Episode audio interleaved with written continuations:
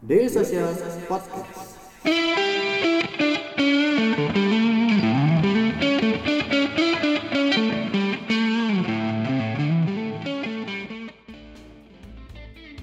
Halo dari Kemang Sultan 1 dan nomor, nomor 2 dari Social HQ Bertemu lagi di ngobrolin startupnya dari Social Podcast Selamat sore, siang, pagi, malam teman-teman pendengar dari Social Podcast Apa kabarnya teman-teman? Semoga selalu baik-baik saja dan selalu setia mendengarkan episode-episode terbaru ngobrolin startup dari Daily Social Podcast Karena di ngobrolin startup ini kita bakal banyak, eh, bakal tiap episode bakal kita bakal ngobrol dengan para founder, para CEO dari startup-startup yang udah ada di Indonesia, yang udah eksis di Indonesia gitu. Jadi teman-teman bisa eh, ngambil banyak pelajaran dari para startup dan CEO dan ya contohnya seperti hari ini saya sudah kedatangan seorang CEO dan founder ya Mas ya, seorang CEO dan founder dari Job to Go. Yes. Gitu. Mungkin teman-teman di sini ada yang udah familiar dengan Job to Go dan mungkin juga ada yang belum familiar. Mungkin ya saya karena saya udah ada orangnya nih bersama timnya bers- bersama para ajudannya nih gitu. Mas, Mungkin ini ini tim saya. Oh ya, bersama timnya gitu. Ya, saya bakal langsung aja ngobrol aja. Mungkin bisa diperkenalkan dulu, Mas. Mas ini Oke. siapa gitu. Halo, selamat apa ini? Selamat pagi, siang, sore, pokoknya selamat uh, uh, selamat Selamat- berbahagia. iya.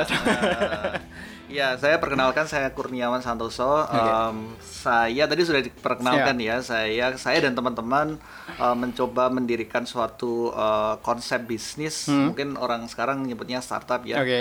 Yang kita namakan Job to Go Oke. dari dari nama yang eh, yang muncul Hmm, sebenarnya teman-teman pasti sudah bisa mendebak nih sekitar tentang apa nih tentang tentang eh, job atau dengan pekerjaan dan eh, seputar eh, hal-hal tersebut Hmm, Oke. lah kurang lebih kayak gitu. Oke, berarti kalau Yes. gitu saya panggil Mas Kurniawan Mas- aja ya. yes, Hmm. Gitu aja. Nah, Mas, tadi ya sudah dimention juga kan bahwasannya ya Mhm. mungkin teman-teman pendengar dari social podcast ini udah ada yang familiar dan ada- mungkin juga Ya. ada yang baru dengar nih Job to Go. Mungkin bisa dijelasin Yes. dulu sih Job Ya. to Go itu apa gitu. Ya, Job to Go ada suatu platform atau aplikasi Hmm. yang kita mempertemukan antara pekerja dengan uh, bisnis. Hmm, Dalam hal ini adalah perusahaan-perusahaan yang membutuhkan karyawan. Hmm. Uh, secara spesifik adalah karyawan uh, yang pola kerjanya adalah semacam uh, paruh waktu Hmm. atau satu satu kali pekerjaan atau freelance atau part time.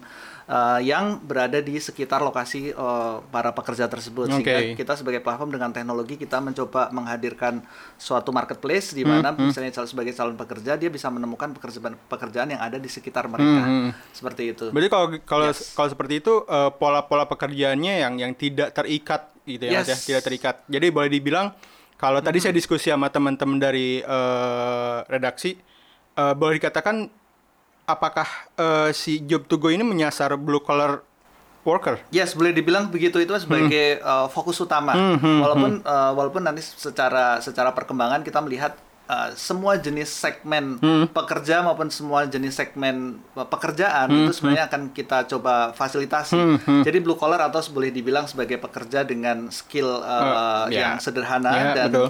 uh, dan juga pengalaman yang uh, cukup itu sebenarnya adalah sasaran utama kami yang mungkin secara populer disebut sebagai blue collar. Seperti itu. Nah, kalau kayak gitu kan berarti eh, boleh dibilang ini tidak ada batasan lah ya, Mas ya. Jadi eh, pekerjaan bahkan pekerjaan sekecil ya kita katakan maaf maaf aja buruh bangunan misalkan itu kan Yes. bisa masuk ke dalam betul. eh, betul. kurasinya job to go itu kan gitu Betul, kan. betul. Nah, kalau gitu bagaimana sih Mas proses kurasinya itu sendiri gitu?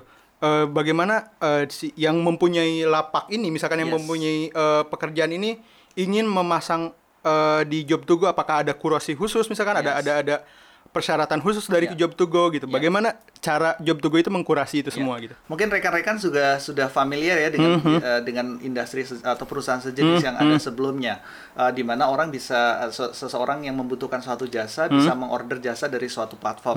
Mungkin sedikit penajaman dari eh, eh, ciri khas job to go adalah bahwa kami menyasar B2B2C. Artinya apa? Oke. Artinya klien dari yang akan kami terima untuk men- membuka lowongan di perusahaan eh, di job to go adalah hanya perusahaan saja, perusahaan atau UKM. Oke. Jadi tidak bukan user secara individual. Jadi misalnya ada suatu perusahaan transportasi yang membutuhkan uh, pengemudi dalam Yeah. jumlah banyak, maka mereka bisa menawarkan uh, lowongan atau pekerjaan itu di platform kami. Sedangkan secara pengguna atau secara user mereka adalah user pada umumnya sebagai kebanyakan. Nah, kenapa kita melihat uh, segmen seperti itu? Karena kita melihat bahwa uh, marketplace ini tidak tidak bisa hanya serta merta menyediakan teknologi, tapi kita juga harus berpikir tentang bagaimana kita uh, memastikan bahwa pekerja yang mencari pekerjaan di Job to Go ini juga mendapatkan perlindungan uh, Oke, secara misalnya ya. secara uh, kontrak kerja atau secara deal walaupun itu sifatnya short term ataupun hanya satu satu waktu. Nah, cara dengan dengan cara bahwa kita memfilter dari sisi pemberi pekerja yang hanya perusahaan, kami yakin bahwa kami bisa menyediakan uh, option-option pekerjaan yang yang lebih layak dan Oke. lebih lebih pasti untuk para Oke. uh, para pengguna kita. Oke, berarti saat ini Job to Go itu tersedia untuk para perusahaan saja ya Mas ya? Untuk Yes. bisnis to customer aja mungkin ya? Yes, business Gitu. to individual. Oh, business to individual ya, Mas ya? Jadi individu Seperti itu. sebagai uh, supply tenaga kerja, tapi kemudian yang bisa me- membuka lowongan hanya bisnis saja. Jadi hanya perusahaan-perusahaan. Hmm? Oke. Seperti itu. Nah, tadi tadi ya tadi siang saya dikabari oleh redaksi bahwasannya sudah ada artikel yang muncul gitu kan di Yes. Daily Social dan di sana saya baca bahwasannya itu eh, platform yang dari awal sampai akhir proses kerja itu di Job to Go semuanya. Yes. Nah, kalau boleh saya tanya, Job to Go ini adalah end to end Yes. platform yang misalkan dia mengurus dari mulai perekrutan sampai hingga pembayaran Mhm. atau seperti apa? Betul, betul sekali. Kita kita ingin menyebut uh, diri kita sebagai one sebagai one stop shopping Oke. ya dari dua dari dua pihak. Ya. Misalnya dari sisi uh, pengguna. Jadi mulai dari saya bi- buka profil seperti semacam kita buka profil di sosial media misalnya saya bisa upload profil saya dan seterusnya. Kemudian saya mencoba mencari lowongan yang tersedia apakah yang uh, sesuai minat saya ataukah saya mencari yang di sekitar tempat pekerjaan saya Oke. dan seterusnya sampai kemudian sebagai pekerja dia mendapatkan upah melalui sistem yang ada terintegrasi dengan aplikasi kita dan seterusnya. Nah, yang menarik sebenarnya eh, yang disebut dengan end to end tadi mulai dari proses pencarian terus kemudian jika diperlukan ada kontrak kerja sampai kemudian eh, pembayaran eh, dan kemudian perlindungan-perlindungan lainnya kita coba untuk eh, sajikan di dalam platform. Sehingga dari sisi karyawan dia merasa tenang bahwa kita tidak hanya platform yang hanya satu kali waktu tapi Oke. mereka yakin bahwa in the long long run ini adalah platform yang akan membantu dia untuk mendapatkan pekerjaan-pekerjaan di masa baik di masa mendatang. Oke. Nah, dari sisi uh, pemberi kerja dari sisi perusahaan mereka juga yakin bahwa mereka bisa mendapatkan para pekerja yang berkualitas karena kita sudah melakukan penyaringan terlebih dahulu untuk beberapa profesi misalnya. Oke. Uh, dan seterusnya sehingga kita juga akan mengurus beberapa hal detail yang uh, sehingga para pem- para bisnismen atau UKM misalnya mereka bisa fokus di usaha mereka tapi untuk pekerjaan-pekerjaan uh, yang uh, karyawan yang mereka butuhkan untuk paruh waktu atau sekali kali waktu mereka bisa mencari di job to go tanpa harus khawatir Oke. seperti itu Dek, ngobrol yuk. Ngobrolin apa bang? Ngobrolin startup bareng Daily Social.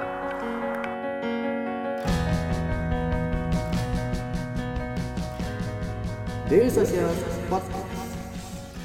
Berarti kalau gitu untuk orang-orang yang melamarnya atau yang em, melamarkan diri lah untuk bekerja di di eh, beberapa misalkan ada beberapa perusahaan yang mem- membutuhkan pekerja gitu. Itu ada proses rekrutmen seperti biasa kah? Ada misalkan ada seleksi atau dan lainnya gitu mungkin? Betul. Kalau uh, tim kami akan melakukan uh, verifikasi dan elaborasi ya. Oke. Jadi misalnya contohnya untuk pekerjaan-pekerjaan yang relatif standar, misalnya uh, suatu suatu uh, jaringan restoran memerlukan barista misalnya. Uh, profesi barista sendiri su- sudah cukup lumayan standar Iya. sehingga kami bisa melakukan uh, pre-seleksi kemudian semacam uh, uh, interview dengan mereka sehingga Betul. ketika ada permintaan itu kita bisa menyajikan para calon yang memenuhi kriteria tersebut sehingga Oke. prosesnya sudah kita mulai duluan. Oke. Namun tidak tidak menutup kemungkinan juga misalnya beberapa pekerjaan yang sophisticated Hmm. seperti itu kita bisa memberikan on demand berdasarkan permintaan dari eh, dari dari- Customer ya? dari customer ya. Jadi Oke. misalnya perlu psikotes dulu kita akan menyediakan juga di platform kita misalnya. Oke. Yes. Nah, berarti kalau gitu memang eh, dari sisi pelamarnya juga ada sisi eh, apa ya? Kita kita katakan seleksi lah ya, Mas ya. Yes. Sebelum mereka di apa ya di diajukan atau dimasukkan ke dalam perusahaan yang membutuhkan itu ada ada proses seleksi sendiri dari job to go betul, itu ya. betul. Karena kami ingin melakukan per- eh, memberikan perlindungan gitu Hmm. ya, proteksi kedua sisi. Baik dari sisi pekerja mereka yakin bahwa setelah melakukan pekerjaan dia akan mendapatkan upah yang sesuai dengan Oke. yang dijanjikan Hmm. dan sebaliknya juga dari sisi perusahaan eh, mereka semaksimal mungkin akan mendapatkan pekerjaan dengan kriteria yang sudah yang mereka sudah tetapkan seperti itu. Mhm. Nah, kalau seperti itu kan kita katakan tidak ada keterikatan mungkin berarti di situ tidak ada keterikatan dari job to go kepada pelamar atau bagaimana? Em, jadi eh, pelamar ini kan statusnya mereka adalah eh, pengguna dari job to go Hmm. yang mereka juga eh, tunduk dan mengikuti eh, term and condition yang ada di Hmm. tempat kami. Misalnya tentang be- mereka harus mengungkapkan data-data yang sebenarnya. Hmm. Terus kemudian dia juga menyatakan bahwa akan eh, melakukan pekerjaan sesuai yang telah disepakati Hmm. dengan suatu pemberi pekerja dan seterusnya sehingga eh, secara secara teknis sebenarnya mereka adalah eh, partner kami Oke. yang akan terikat dan eh, mengikuti beberapa peraturan yang kita sepakati bersama ya. Hmm. Itu selama selama proses pekerjaan Yes. itu berlangsung ya, Ya, Mas? selama pertama selama proses dia menjadi member kita. Hmm. Jadi waktu saya menjadi misalnya Anda mendaftar di Job to Go, maka Anda akan mengikuti nih term and Hmm, condition karena ini uh, sis- uh, sifatnya adalah proteksi dan agar kita juga bisa memberikan pelayanan yang terbaik nih Hmm, untuk mereka. Jadi seperti itu. Tapi kemudian ketika dia melamar suatu pekerjaan dan terikat pekerjaan, maka muncul juga uh, proses kesepakatan antara pengguna antara kami sebagai platform dan juga pemberi kerja. Jadi Hmm. Oke. misalnya misalnya suatu pekerjaan yang membutuhkan mereka untuk masuk setiap hari Hmm. misalnya ya tentu saja mereka harus mengikuti itu kalau Hmm. tidak maka kemudian akan ada eh, akan ada sistem yang membuat membuat mereka misalnya menerima performance review misalnya Hmm, apakah mereka tidak tidak hadir ataukah performancenya tidak sesuai dengan eh, yang disepakati misalnya seperti itu Itu ada di job to go Yes, semuanya. Jadi, jadi ya kita kita kita memfasilitasi itu karena Oke. tadi balik lagi eh, saya tekankan bahwa kita mencoba menjembatani dari dua sisi nih Hmm. proteksinya seperti itu. Ya. Nah, Mas, kalau gitu berbicara misalkan ada beberapa eh, peker- jenis pekerjaan yang misalkan hanya paruh waktu nih, Mas. Yes. Hanya misalkan dalam jangka dua bulan, tiga bulan gitu, Yes. dan itu pun boleh dibilang eh, dalam jangka waktu yang satu tahun satu kali misalkan, Hmm. terus baru-baru diulang lagi satu tahun berikutnya. Nah, untuk ya kita kata kita kalau kita ngebahas tentang retensi gitu kan di situ kan ada ada kekhawatiran misalkan ah gue udah udah kenal orangnya nih ya udah gue nggak Hmm. Yes. usah pakai job job to go lagi ya udah gua gua lu gua ajak aja misalkan tahun depan ya udah lu ke sini lagi tanpa gua harus ini bagaimana sih job to go Yes. itu menjaga retensi gitu Ya, saya rasa itu tantangan yang memang dihadapin oleh platform seperti kami. Nah, Hmm. ini yang eh, yang akan kita terus eh, develop dan kita kita ciptakan program misalnya kenapa member itu perlu kemudian melengkapi data dan informasinya. Hmm, Terus kemudian bagaimana mereka perlu mengupdate misalnya jika ada mereka mengambil satu kursus tambahan dan Hmm. seterusnya. Jadi kita mencoba mengedepankan benefit-benefit yang yang dia dapatkan dalam waktu Oke. jangka pendek maupun Oke. jangka panjang karena eh, kita yakin bahwa mereka jika mereka loyal dengan eh, dengan platform ini Hmm. sebenarnya kemudian mereka akan mendapatkan opportunity yang lebih baik di masa mendatang. Hmm. Kita sediakan misalnya tidak hanya pekerjaan yang bisa ambil saat ini saja, misalnya ada ada semacam training. Hmm. Oke. Ada kita ada sekarang sudah live misalnya eh, kita memberikan edukasi jang, eh, secara singkat melalui Oke. platform kami dan segala Oke. macam. Jadi kita yakin bahwa mereka merasa bahwa ada benefit yang dia dapat dengan berada di dalam platform kita. Hmm. Nah, apalagi kita tadi ya kita, kita nyebutkan tentang pembayaran yang terintegrasi di Hmm. platform pl- platform kami. Saya rasa ini sesuatu yang menarik ya. Jadi mereka kemudian setelah bekerja langsung mendapatkan upah dan di platform kami juga eh, di, di di masa mendatang kita akan terkoneksi dengan jasa-jasa lain sehingga Oke. mereka kemudian dapat melakukan hal-hal yang bisa dilakukan ber- eh, dari upah yang mereka dapatkan. Oke. Jadi misalnya untuk bertransaksi, Hmm, untuk berinvestasi dan seterusnya di dalam platform kami. Oke, Ya. berarti kalau seperti itu cara proteksi dari job to go-nya sendiri mempunyai treatment kepada user atau Yes. kepada ya kepada workernya sendiri ya Mas ya agar mereka tetap menjaga retensinya kepada job to go seperti itu ya. Betul, karena saya yakin sebenarnya uh, at the end of the day mereka harus melihat value apa yang dia dapat dengan menjadi uh, member dari suatu platform atau suatu aplikasi ya. Hmm, hmm. Uh, dan itu yang akan kita de- kedepankan. Jadi harus organik mereka merasa bahwa ada benefit yang dia dapat dengan menjadi member dan loyal terhadap Oke. suatu uh, ini aplikasi. Oke. Tunggu dulu Ferguson. Ada apa?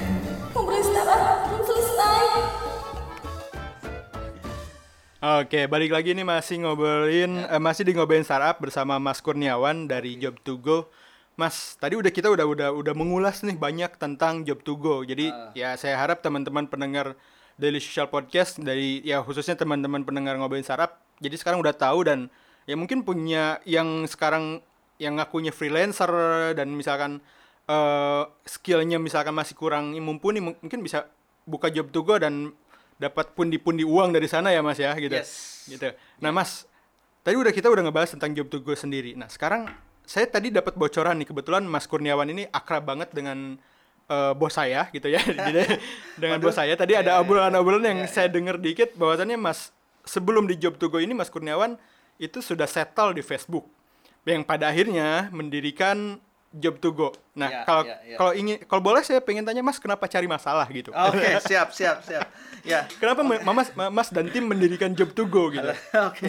Jadi eh, ya jadi ceritanya ceritanya panjang ya. Jadi ya nggak panjang-panjang juga. Jadi memang eh, eh, memang pada kebanyakan suatu eh, eks- eksekutif gitu ya, atau profesional yang sudah sudah malang melintang di dunia profesional eh, kemudian selalu berpikir ya what's Ya. next gitu ya. Hal, hal besar apa sih yang sebenarnya saya bisa kontribusikan buat negara gitu. ya. Wah, kelihatannya sangat klise ya. Oke. Jadi seperti itu ya. Jadi memang sih kalau kalau saya lihat eh, itu itu sebagai motivasi utama ya. Jadi jadi menurut saya saya tinggal di Indonesia kita tahu Indonesia banyak masalah Ya, gitu ya. betul. Banyak sekali masalah yang bisa kita solve. Kemudian juga karena pengalaman saya tadi mungkin salah satunya terakhir sebelum mulai usaha ini saya berada di Facebook gitu ya. Saya saya ngelit uh, suatu bisnis uh, organization di sana Uh, sehingga saya sebenarnya dan juga uh, juga pengalaman sebelumnya saya pernah di Google juga saya pernah di Oke. Oracle Marketing Cloud Oke. Uh, mungkin salah satu kelebihan yang saya dapat dengan bekerja di suatu environment yang sudah mengglobal adalah kemudian kita mendapatkan wawasan yang sangat luas ya dari dari d- dari negara-negara lain, dari market-market lain, uh,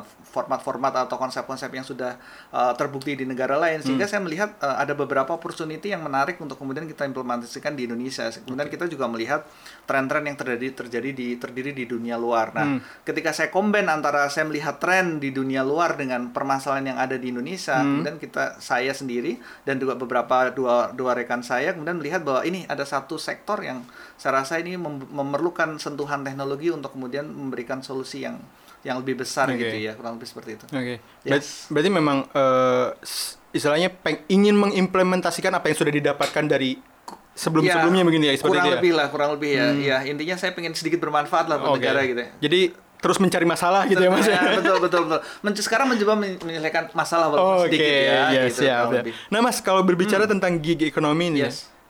Tren gig ekonomi itu apa sih Mas? Kalau boleh, mungkin Ya. boleh dijelaskan mungkin. Boleh, boleh ya. Jadi gig economy memang satu term yang mungkin sedikit baru walaupun in real life sebenarnya Hmm. kita sudah melihat ya apa apa gig economy itu di sekitar kita. Hmm. Jadi sebenarnya gig economy itu adalah satu sistem pasar di mana Hmm. uh, terjadi supply dan demand uh, terhadap pekerjaan Hmm. yang sifatnya adalah temporary atau satu waktu atau paruh waktu. Oke. Kenapa begitu? Sebenarnya ini di, di, di- dimulai dengan adanya perkembangan teknologi yang sangat pesat Hmm. dengan adanya uh, uh, adik-adik milenial gitu yang kemudian mereka mengubah pola hidup dan pola pekerjaan dan pandangan tentang hidup dia masa kini dan masa mendatang. Sehingga mereka melihat bahwa oh, oke banyak-banyak sekali jasa-jasa yang saya perlukan dan saya ketika saya memerlukannya saya maunya sekarang gitu ya. Jadi on demand gitu ya. Contohnya sekarang kita hidup sebenarnya eh, secara singkat kita hidup di dunia yang gig economy misalnya contoh kita pengen makan kita order makan melalui jasa eh, ordering food. Yeah. sebenarnya itu adalah gig economy ketika seperti itu. Saya butuh tempat bekerja saya mencari tempat kerja yang sharing dengan yang lain dan seterusnya.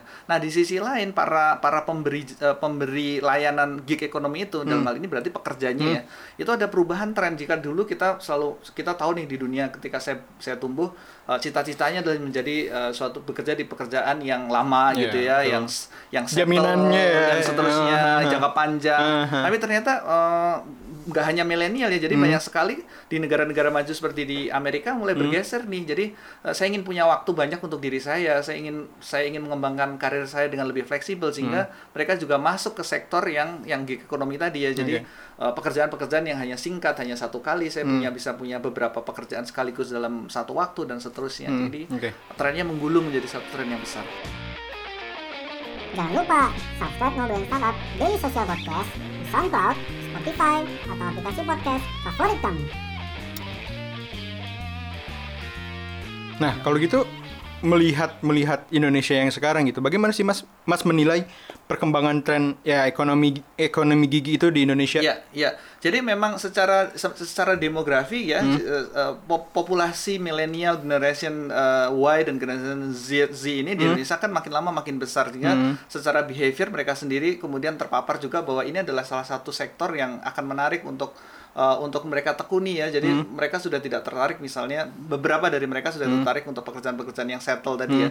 Jadi kita melakukan eh, survei di para pengguna kita gitu Hmm. ya memang mereka memang interest untuk uh, berada di uh, suatu bisnis yang jangka pendek seperti itu makin makin hari makin besar Hmm. Makin besar ya, ya? dan kita lihat secara makro Indonesia juga kebutuhan tentang uh, dunia lapangan kerja masih masih masih besar ya Iya. Uh, seperti itu apalagi populasi kita terus tumbuh ya jadi Iya. saya rasa memang marketnya besar dan terus tumbuh apalagi teknologi yang sudah masuk Indonesia juga itu memungkinkan itu terjadi karena tadi eh, suatu pasar supply demand-nya itu hanya mungkin jika di di, di- difasilitasi oleh teknologi yang canggih ya. Jadi saya bisa tahu misalnya skill orang yang cocok untuk pekerjaan ini misalnya administratif, untuk pekerjaan salesman misalnya dan seterusnya sehingga itu bisa difasilitasi oleh teknologi dan te- teknologi sudah berkembang sehingga itu memungkinkan hal itu terjadi gitu secara real time. Saya maunya saya butuh salesman besok. Sehingga kita bisa mencarikan salesman di area misalnya Kelapa Gading gitu ya besok. Kita bisa menyajikan profil-profil yang matching dengan yang dibutuhkan oleh uh, pemberi kerja gitu ya. Oke. itu. Nah, berarti kalau gitu eh, perkembangan teknologi sangat mempengaruhi ya, Mas ya. betul sekali. Eh, nggak nggak bisa dipungkiri ya, karena kita mengguna- menggunakan teknologi dan algoritma untuk kemudian tadi menyajikan eh, suggestion orang-orang yang tepat sesuai dengan profilnya dia. Bisa eh, juga dengan kita melihat mengconsider misalnya track recordnya dia, misalnya seperti itu, sehingga kita bisa mempredik apakah eh, orang-orang tersebut akan bisa perform ketika ada suatu perusahaan membutuhkan suatu karyawan seperti itu. Jadi ya memuaskan dua belah pihak. Hmm. Nah, berarti dengan dengan eh, pengaruh yang besar dari teknologi dan teknologi akan terus berkembang ya Mas ke depannya. Yes. Itu berarti akan memungkinkan muncul lagi eh, apa ya? Kalau katakan di ekonomi kayak gini bakal memunculkan lagi peluang-peluang baru ya Mas di masa depan. Ya betul. Jadi peluang-peluangnya muncul eh, ini mendisrupsi banyak hal sebenarnya tentang gig ekonomi dan saya yakin ini adalah eh, satu tren yang akan makin besar dan juga menjawab beberapa pertanyaan besar yang ada di yang ada di negara kita. Sebagai contoh misalnya eh, terjadi mismatch nih antara misalnya di satu sisi kita sering mendengar orang oh susah nih cari kerja di Indonesia gitu ya. Tapi di satu sisi saya dengan pengalaman saya sendiri di korporasi mencari karyawan yang pas itu juga nggak nggak gampang, gampang, gitu ya. ya. Nah, ternyata memang kemudian platform yang kemudian memungkinkan itu terjadi eh, pertemuan itu sangat sangat dicari. Terus kemudian yang kedua, misalnya pressure terhadap pertumbuhan, misalnya e-commerce ya. E-commerce dulu mungkin eh, ada istilah misalnya investasi terus buang-buang uang. Ya. Kemudian ketika terjadi pressure eh, untuk menuju ke profitability, mereka mulai berpikir nih, bagaimana nih kita growth hacking, bagaimana saya bisa tumbuh sampai harus investasi yang besar. Mereka kemudian mulai beralih nih dari dulu misalnya eh, meng-hire karyawan eh, semi permanen atau tetap mereka mulai berpikir oh ternyata banyak ba- banyak banyak pekerjaan di dalam supply uh, value chain bisnis mereka yang bisa uh, diberikan ke gig ekonomi gitu seperti itu. Misalnya untuk mengajak pengguna untuk mendownload aplikasi nih misalnya contohnya use case-nya adalah di perusahaan e-commerce misalnya. Ternyata mereka bisa lempar nih ke uh, audiens yang ada di job to go karena Oke. mereka mereka ditawarkan misalnya ajak teman anda untuk mendownload aplikasi kemudian mereka akan mendapatkan semacam uh, fee misalnya per satu download berapa dan seterusnya. Ini sangat scalable karena mereka uh, pemberi kerja perusahaan e-commerce atau perusahaan fintech mereka harus hanya hanya harus membayar sesuai dengan performance yang di yang disajikan nih oleh para pekerja di job to go. Oke. Jadi ini solusi untuk untuk hack, growth hacking juga nih untuk teman-teman yang di e-commerce. Oke, kalau ber- berarti kalau kalau seperti itu semakin berkembangnya gig ekonomi dan di situ juga job to go hadir ya Mas ya. Betul, Untuk betul. untuk ya istilahnya kalau tadi saya bilang Mas Kurniawan itu malah mencari masalah baru gitu ya. Setelah Yes, setelah yes. settle di perusahaan sebelumnya dan sekarang ya ternyata memang betul gitu apa yang apa yang dilakukan oleh Mas Kurniawan dan tim ternyata memang menjadi solusi untuk masalah-masalah yang sebenarnya sudah cukup lama ada di Indonesia ya Mas ya. Betul betul. Mungkin segitu aja Mas, ternyata obrolan kita udah cukup lama juga ternyata. Yes. Mungkin thank you banget Mas Kurniawan Yes. dan tim udah mau diajak ngobrol di ngobrolin startup. Eh, mungkin lain kali kalau Mas Kurniawan main-main lagi ke kantor bisa kita diajak ngobrol mungkin. Yes, yes. Ngobrol lagi di ngobrolin startup ya. gitu. Jangan lupa teman-teman cek di eh, eh, di aplikasi Play Store, Android Oke. dan juga di iOS dan Hmm. juga eh, visit website kita di. Jangan Oke, nah teman-teman yang butuh kerjaan yang ya mungkin mau ada tambahan sampingan dan lain-lain bisa cek Job to Go di sana mungkin sudah banyak ya Mas ya. Yes. Lowongan-lowongan kita- yang tersedia sudah banyak. ya, kita terus terus Oke, gitu aja mungkin Mas. Sekali lagi terima kasih udah mau diajak ngobrol di ngobrolin startup. Eh, kepada teman-teman pendengar dari Social Podcast juga ter- terima kasih udah setia ngedengerin eh, ngobrolin startupnya dari Social Podcast dan jangan lupa untuk follow kita di Spotify, SoundCloud dan eh, Anchor.fm. Jadi teman-teman bisa terus dapat update terbaru dari ngobrolin startupnya dari Social Podcast. Oke, segitu aja mungkin untuk episode hari ini. Sampai jumpa di episode berikutnya.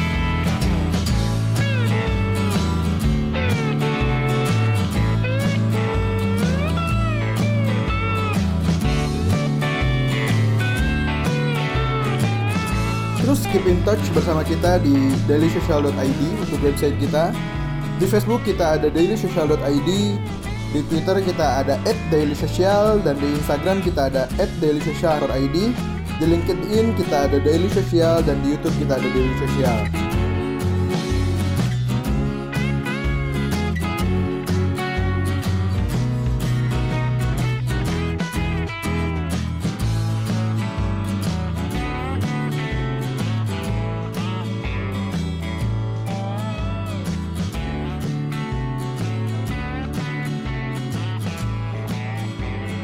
Daily Social Podcast.